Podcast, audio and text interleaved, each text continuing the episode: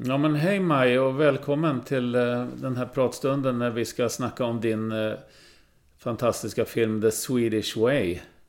Som eh, dokumenterar en del av och viktiga saker av det som vi har varit med om det sista året. Den, den svåra pandemin som orsakats av SARS-CoV-2. Och det sätt som vi har handhaft den i Sverige.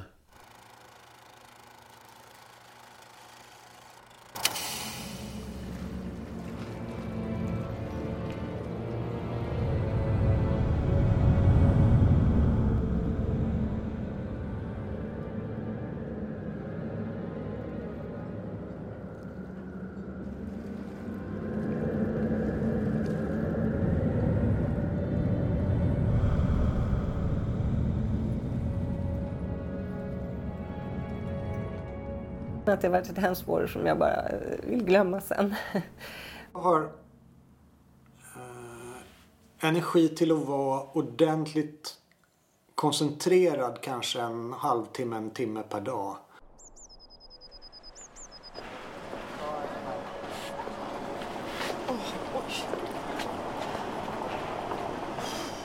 Um, ja, alltså det var väldigt många som var sjuka.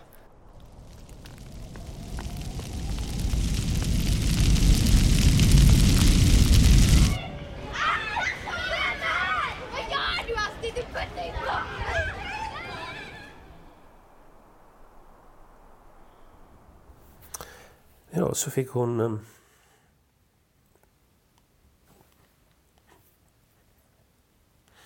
ska vi säga, dödshjälp.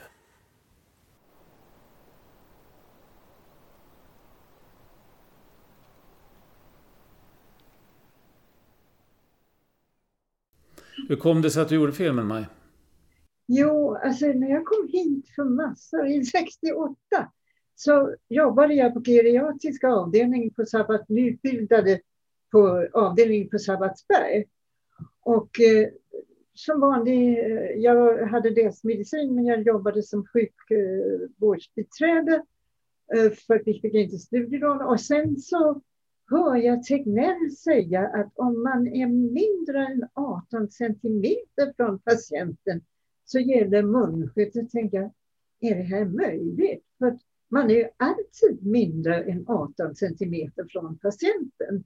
Jag menar, man, man matar, man eh, tar ut och in kateter, man eh, ger blöjor, ja, man klär, man, man kammar, man, man tvättar.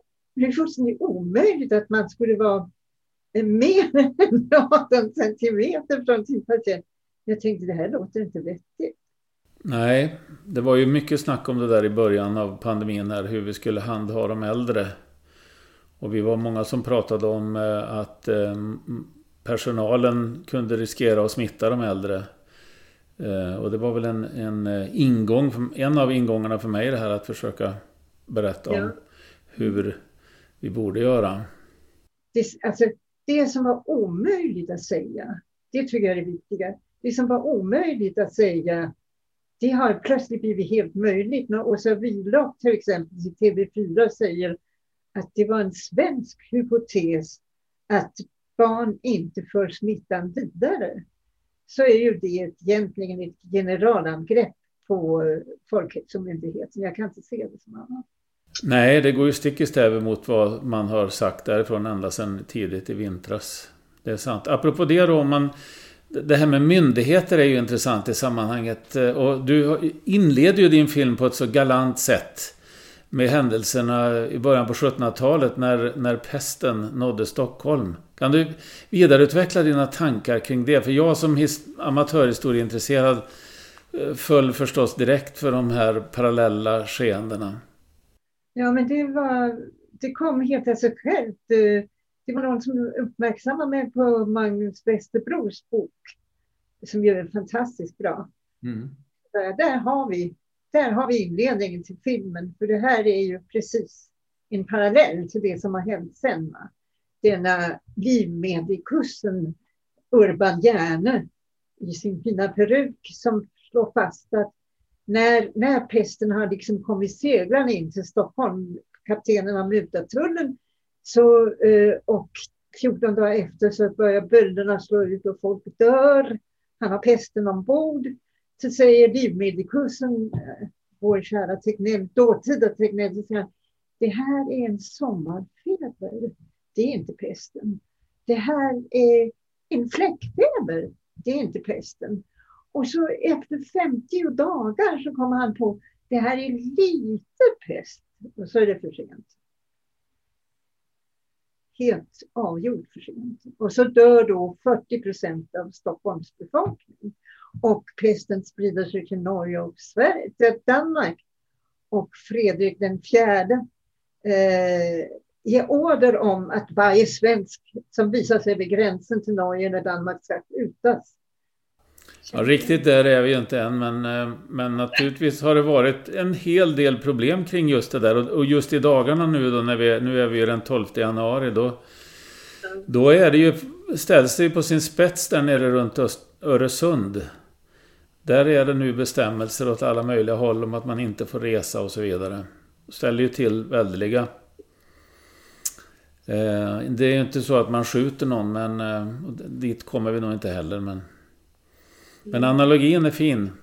Det fanns ju en annan analogi här också som var på tapeten för några dagar sedan. Och det var ju regalskeppet Vasas jungfrutur också som... Eh, eh där, då, då, var det strategin som, som eh, så att säga kapsejsade. Det var den parallella handlingen. Det var också en vacker bild.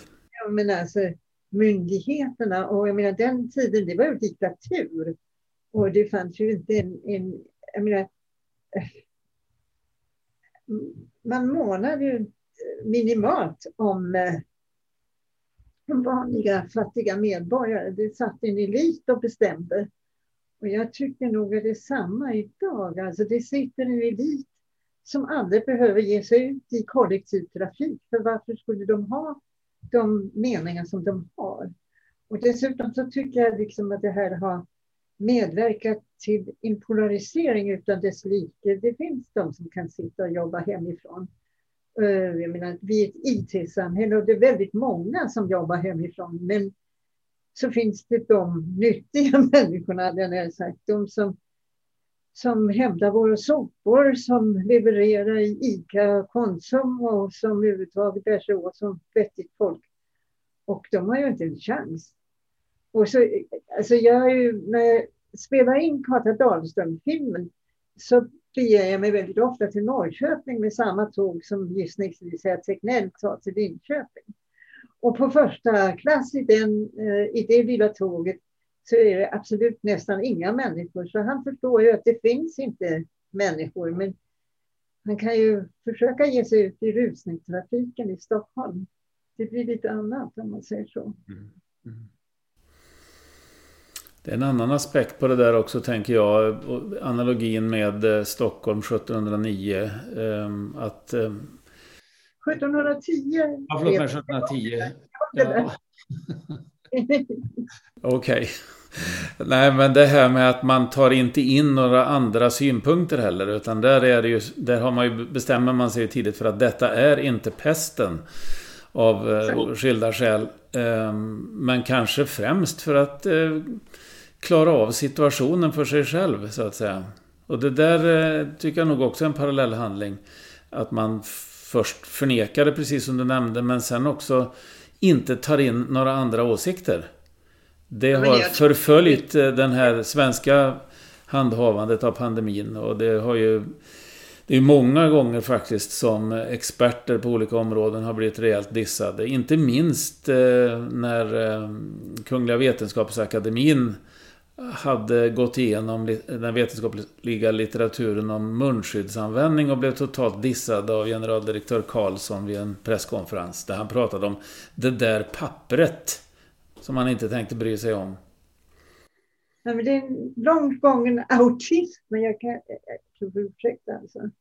Man ska inte raljera, men det, jag menar, alltså huvudpunkten här, att barn inte smittar, och så står äntligen står en forskare som Åsa Wilock i TV4 och säger barn driver smittan. Och det förstår man, det hoppas jag verkligen också mina bilder medverkar till att visa.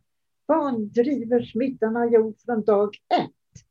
Så jäkla många skolor, tusen skolor, haft klustersmitta och vi har hört om tre. Och det var, det, det var för övrigt en väldigt drivande sak i den här filmen, drev för mig att det, det första jag gjorde det var liksom att intervjua en mamma som eh, vars eh, dotter medverkade i Kata Dahlström-filmen. Och hon var jättesöt och hon hade blivit smittad redan nyårsdagen. Och det var en jätteklustersmitta. Jag fattar inte att inte smittskyddsläkarna var det minst intresserad när det kommer ett helt baseballteam och alla föräldrar blir smittade. Va? Och, det, och, och sen gick det bara så, varenda människa jag fick tag i mer eller mindre per ansar, alltså det var tillfälligt, så fick jag tag i människor och så, var de, så hade de blivit smittade av sina barn som hade blivit smittade i skolan.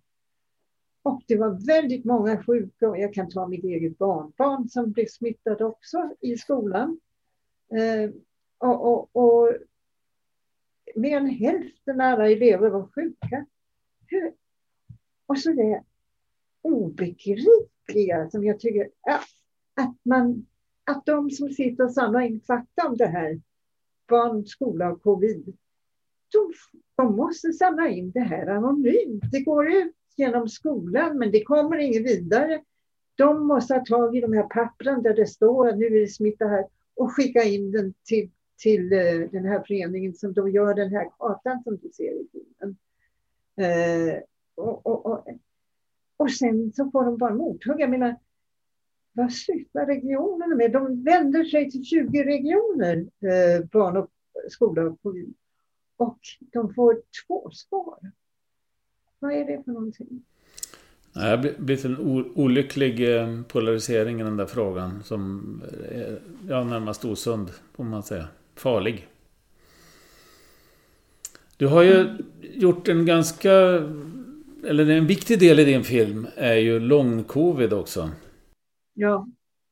Kan du berätta lite grann för oss om, om dina tankegångar där? Ja, alltså, jag var väldigt nyfiken, tror jag alla människor var, på hur, hur hur sjuk blir man? Hur länge blir man sjuk? Hur...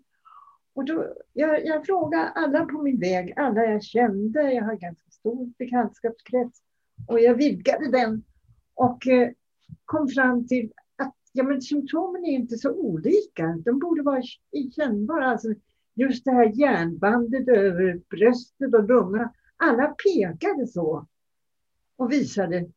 Och så kunde jag inte andas. Och så fick jag kvävningskänslor.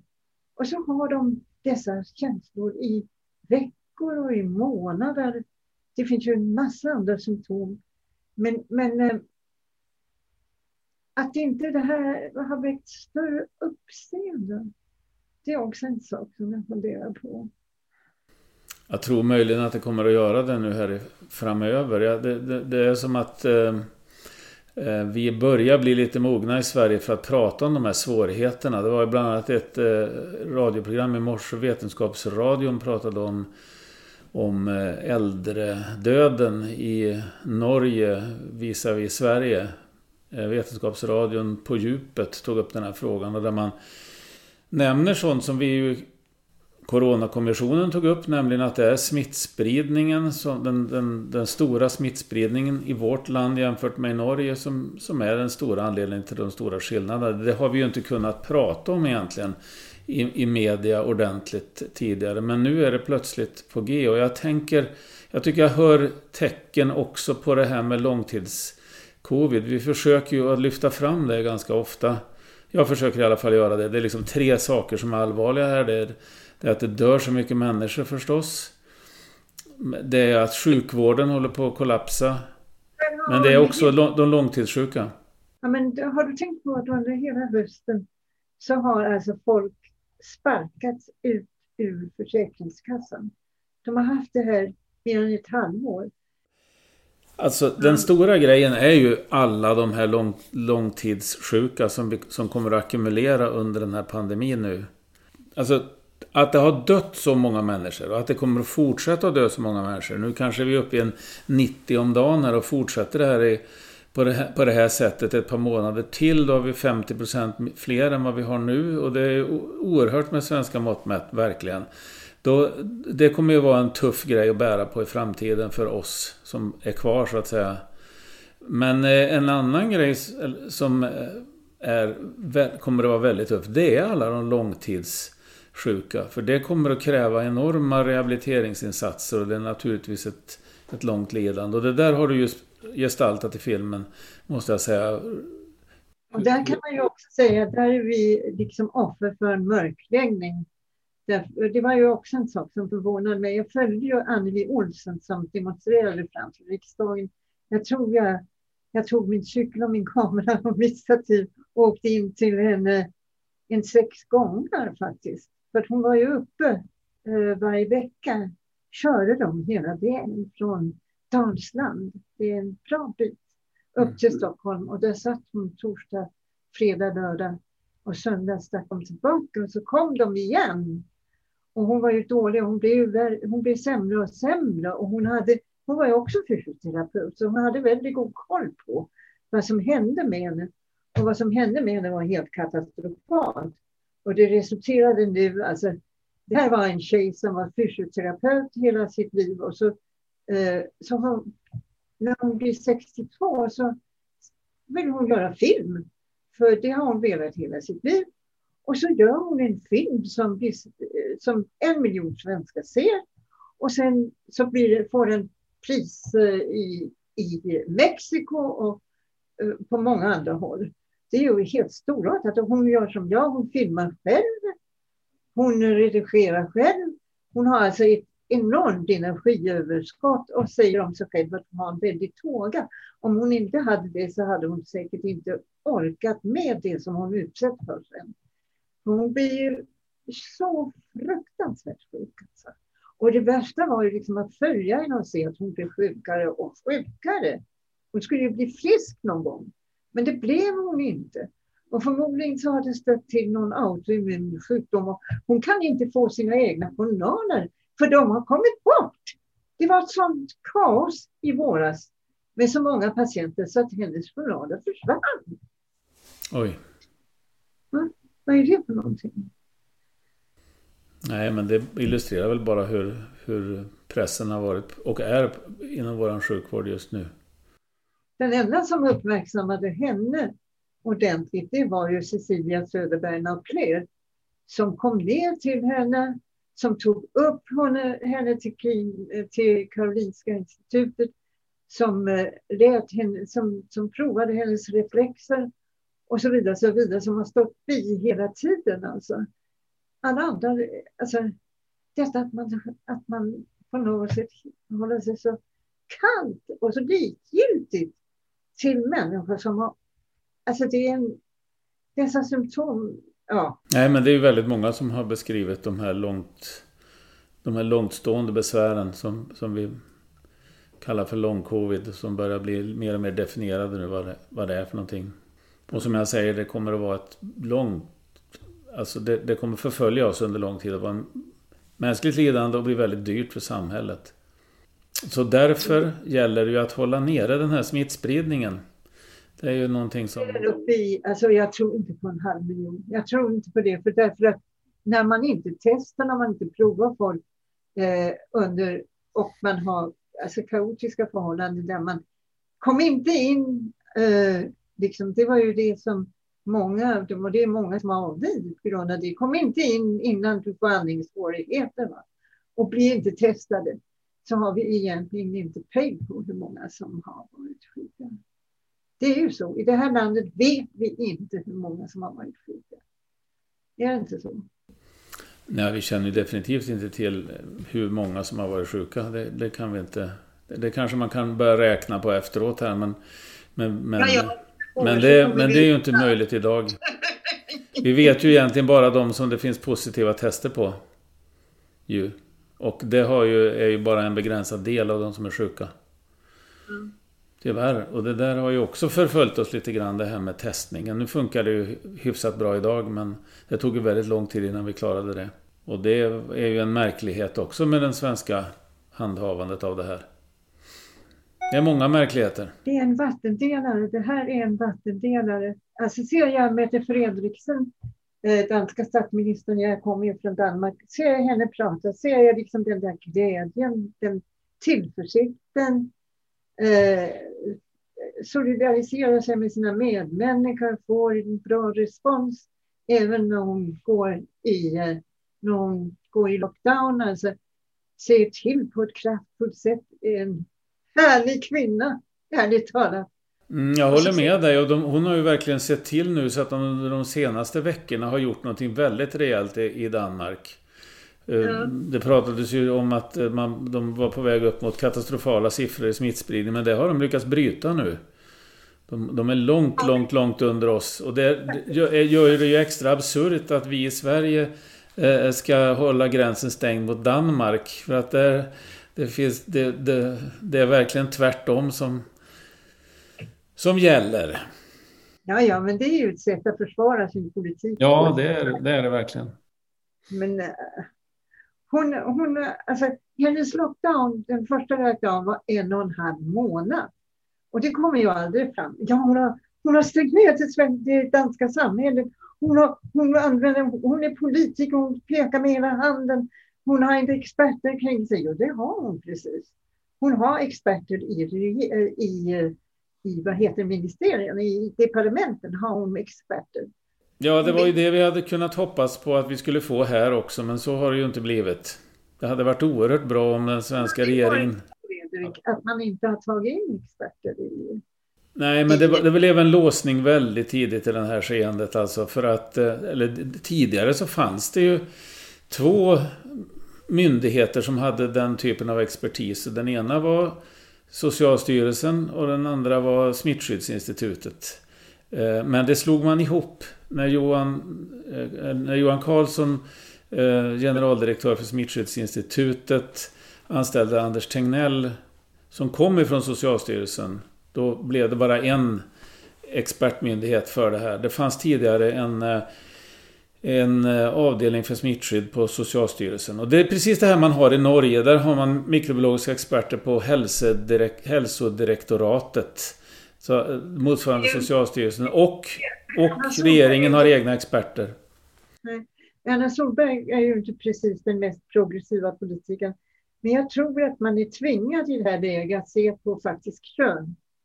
För att eh, kvinnor har ju då ett... Vi har haft barn, vi har haft barn på dagis, vi har haft barn i skola, vi har varit tvingade att hämta dem själva. Eh, vi har ett nära förhållande till dem och vi är mer benägna att eh, gå efter försiktighetsprincipen. Det som är roligt med, eller det enda roliga med det här som jag kan se, det är ju faktiskt att, att kvinnor, kvinn, kvinnliga politiker står så starkt i det här. Du får ursäkta att jag, jag inte kan låta bli att det, det är väl inte biologistiskt precis, men det är ju faktiskt realiteter. Eller hur? Ja, i Norden förefaller det ju verkligen eh, så. Och jag får ge dig rätt där. Jag menar, jag tycker att man ska framhålla även, även statsminister Marin i Finland som klokt nog också skaffade sig egna experter kring sig på regeringskansliet. Nej, men här, du sa ju nyckelordet, försiktighetsprincipen. Det har ju fattats hela vägen och jag, det var väl lite så här att eh, de är sig själva nog på Folkhälsomyndigheten och man sa redan den 6-7 mars att vi andra som tyckte någonting, vi killgissade. Så att eh, det, det var bara där expertisen fanns, eller finns, och, och den fortsätter att vara där. Men det hade varit så bra om det hade funnits eh, röster från annat håll i det här. Det hade det verkligen. Ja, tack. Dessa killgissare, det- de framstår ju som synnerligen, alltså med hänsyn till den mejlkonversation som pågått mellan Giesecke och Tegnell och deras gäng, alltså, så framstår det för mig, alltså Emanuel Karsten är väl en sån journalist som faktiskt har lyckats ta fram det här i ljuset, men det borde, jag hoppas att min film bidrar till det, alltså visa hur cynisk man resonerar. Giesecke betraktar det som spindeln i nätet och han sitter i engelsk tv och ondgör sig över svenska invandrare på ett sätt som är fullständigt orimligt. Och dessutom så är han helt säker på att vi alla ska... Och så fnissar han. Så fnissar han över det här med att folk ska ha munskydd. Och det är bara, det är bara miljöförstöring. Och det har ingen som helst effekt. Och det där får man vanligt folk att tro. Ja. Nej, och det har varit genomgående ända från första början. Alla de här idéerna. Och man kan ju betrakta dem som killgissningar egentligen därför att det finns ju ett långt, långt spår av felaktiga antaganden ända från januari från just det här gänget. Och så att eh, det är väl kanske mer där som de här gissningarna har... Det är ett eh, tv-citat som inte visas, som inte har med i filmen, som man borde... Jag hoppas att det finns kvar, åtminstone någon har tagit ner det och kan redovisa. Det är en gammal, hon är väldigt eh, professionell amator på, på CNN. Hon frågar ju faktiskt Tegnell men hur kan ni veta att ni kan göra på det här viset när ni inte vet hur viruset faktiskt agerar, reagerar, hur folk får reagera på viruset? Det är ju liksom första frågan. Eller hur? Mm. Medan Giesecke kör fram, ja det här är influensa, han vill göra en kumulativ rapport som ska stå på, tillsammans med alla andra influensarapporter. Det är madness, får man säga det? Säga madness. Ja, det tycker jag man får säga. Därför att det stod ju tidigt klart att just de här, och Gisek, med Giesecke spetsen bestämde sig för att det här skulle svepa genom befolkningen supersnabbt. Och det var ju en... Vi pratar om wishful thinking i, i min del av vetenskapen. Och det var ju just det det handlade om. Det visade sig också att det tagit en enorm tid att få till någon som helst procent av befolkningen eh, antikroppspositiv. Alltså det, det var, man önskade ju mycket högre procentsatser och låtsades få fram det också men, men det var ju inte så. Det har tagit en enorm tid. Och så använder man barnen som medel för det här. För att få en ökad smittspridning närmast, ja. Var borde de här människorna som har gjort det, var borde de hamna? Ja, hörru du. um. Inget vidare var det i alla fall. Det håller jag med dig om. Jag vet inte om det här var för starkt från min sida, men alltså, när man läser föräldrarna som ropar på hjälp, alltså i, på de här olika, i de här olika Facebookgrupperna som har förnedrats av en Hanne Kjöller, också märkligt alltså. När man läser deras rop på hjälp, alltså de ska i ett fruktansvärt tillstånd själva försöka att stimulera sina barn. Hur går det? Som är sjuka, alltså barnen är sjuka. Ja, det här är tuffa grejer. Men kan du tänka dig det? Att du eh, faktiskt inte orkar någonting själv. Och så har du ett barn som somnar hela tiden när den måste vara med på distansundervisning när den ska överhuvudtaget aktivera sig. Som liksom som en förälder, som en pappa skriver, är lika kommunikativ som en guldfisk. Va? Ja. Ja, alltså Fredrik, har du någon sista fråga? Så tar vi den, annars så säger jag godnatt. Ja, men då har jag, då har jag en fråga. Okay. Utifrån ditt perspektiv nu, Maj, du har, du, menar, du har följt de här människorna, du har följt den här utvecklingen. Um, hur, vad är din bild av vart vi är på väg? Alltså nu är det januari, nu är vi i mitten av januari. 20, ja, det har hållit på ett över ett år. Lika bild. Alltså en vaccinering som går allt, allt för långsamt. Så känner jag och ett, ett, en utveckling som vi inte har styr på. Så upplever jag det. Mm. Hur är din upplevelse? Ja, men där är vi helt eniga. Eh, det går... Det, det har inte tagit förtjänat. Det bor så mycket bra människor runt omkring i det här landet. Att de ska utsättas för det, det är en stress. Och det är orättvist. Och om de drabbas av sjukdomen så är det än värre. Och nu får det faktiskt, nu får någon bestämma sig för att vi tar i på ett annat sätt. Tycker du inte det? Jo, jag tycker det och vi har nu sen, i, sen två dagar tillbaka så finns de legala möjligheterna att göra någonting mer rejält. Och en sak till som fattas här nu. Du nämnde att vaccinationerna går lite långsamt. Jag hoppas att det tar sig. Det lät så på statsepidemiologen i, i, på TV idag att de, att de faktiskt eh, uppmanade regionerna att leverera vacciner till alla och inte spara några i byrålådan. Och det tycker jag är bra. Men det jag saknar det är faktiskt ordentliga eh, informationskampanjer om vaccinationerna. För vi, det krävs att det är en 80% eller någonting av oss som tar de här vaccinerna för att det ska ha en rejäl effekt. Och då, då, då är det viktigt att alla får adekvat information så man inte behöver oroa sig för de här grejerna. Alltså inte, eh, inte de här... Eh, nu måste jag bara vänta. Alltså, och inte de här förnekarna, så betraktar jag Folkhälsomyndigheten, får bromsa upp det här ännu en gång. Nej, det får alltså, inte hända. Va? Nej, det får inte hända. Nej, för det känns ju nästan så. Det känns ju som att, ja det där, alltså det känns som om de inte kan lämna sina gamla eh, det känns som om de inte har gjort upp med, med sitt förflutna, om man säger så.